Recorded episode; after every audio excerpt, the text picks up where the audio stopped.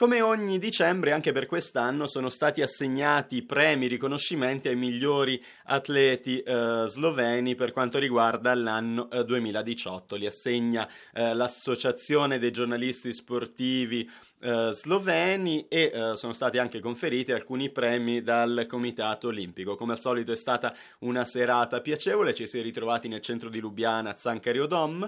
Eh, erano presenti insomma il gota dello sport sloveno, anche tante autorità come il presidente della Repubblica eh, Pahor, il presidente del Comitato Olimpico sloveno, tra l'altro rieletto di recente Gabrovec, e il presidente del Comitato Olimpico Europeo Koziancic, che è stato anche insomma presidente del Comitato Olimpico eh, sloveno. E ehm, è sempre così curioso eh, questo evento perché eh, molti atleti, tra quelli che vengono premiati, appartengono alle discipline eh, invernali e quindi non riescono ad essere a Lubiana per eh, ritirarlo. Tante volte, insomma, ottengono anche degli ottimi risultati, come è successo in questa eh, settimana.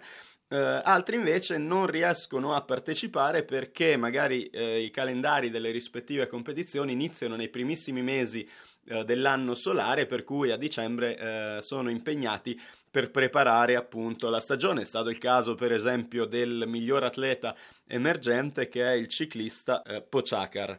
E quindi in questi casi si vedono insomma questi parenti, genitori, fidanzate, mogli che salgono sul palco, insomma in alcuni casi orgogliosi dei propri partner, dei propri figli, per quanto poi si facciano delle domande più o meno ehm, divertenti e volte insomma a far emergere il lato umano, a intrattenere, insomma poi le cose che magari si finisce a dire sono sempre un po' eh, le stesse e alcune volte è curioso vedere la differenza nel modo in cui gli atleti si porgono quando sono in un contesto di una cerimonia ufficiale come quella di una premiazione in un palco comunque grande come quello di Zancario Domo, quando sono magari eh, vestiti con abiti sportivi, quando competono, anche nel modo magari di camminare, di muoversi nella scioltezza nei eh, movimenti, ed è il caso per esempio di molte atlete donne quando eh, camminano sui tacchi, insomma ovviamente magari non sono così eh, abituate giustamente perché fanno eh, altro. Era scontato eh, il titolo per quanto riguarda gli uomini, ha vinto Doncic, insomma giocatore di basket, talento straordinario sia nell'NBA che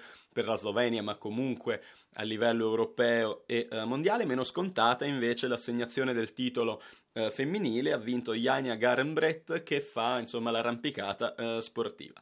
Uh, una soddisfazione grossa per il litorale arriva dal premio a squadre, sono state premiate infatti Tina Mrac e Veronica Mazzarol, veliste, quindi un uh, riconoscimento anche agli sport estivi e uh, anche per certi versi insomma anche allo sport al femminile. Ovviamente erano tutte e due lì, elegantissime, inappuntabili e um, andiamo ad ascoltare che cosa hanno detto a caldo, cominciamo da Tina Mrac.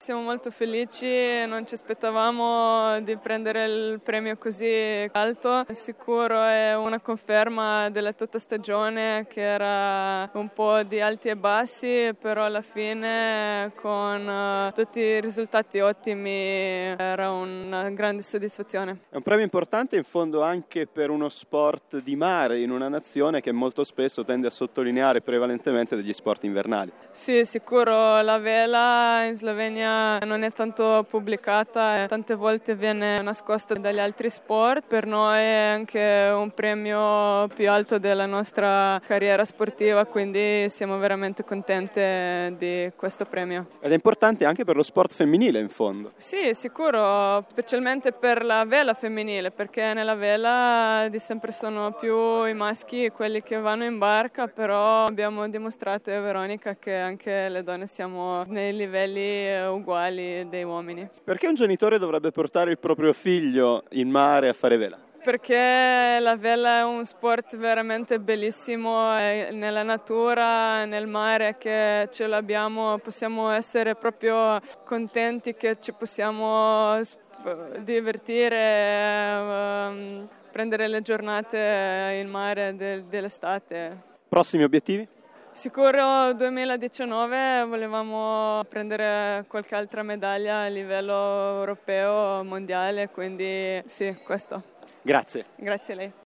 E questa invece è Veronica Mazzarol. Uh, questo premio per noi significa tantissimo, una dimostrazione che abbiamo fatto bene sto anno. In effetti ogni anno proviamo a portare a casa un buon risultato e anche sto anno per noi era veramente tanto buono. Abbiamo uh, vinto due medaglie d'oro, ci siamo anche qualificate per le Olimpiadi uh, e adesso dobbiamo solo pensare avanti alle Olimpiadi Tokyo e provarla a fare tutto quello che sappiamo. No? In Slovenia ci sono tante montagne, forse poco mare, eppure dalla vela arrivano sempre dei buoni risultati. Uh, sì, non abbiamo tanto mare, però abbiamo delle condizioni buonissime anche in Slovenia, tanta gente non lo sa neanche. Penso che in tutte le condizioni abbiamo onda, tanto vento, uh, possiamo prepararci tanto bene anche a casa, anche se adesso a questo livello siamo tanto in giro per il mondo e ci alleniamo più con uh, gli altri velisti. No? Perché il grande pubblico dovrebbe seguire e appassionarsi alla vela? Perché è un sport bellissimo, è così legato col mare.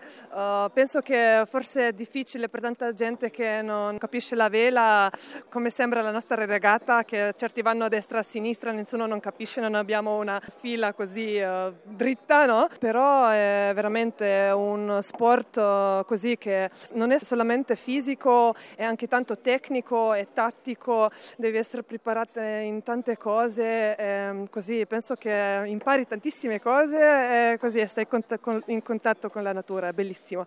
Grazie. Ero lunga, grazie.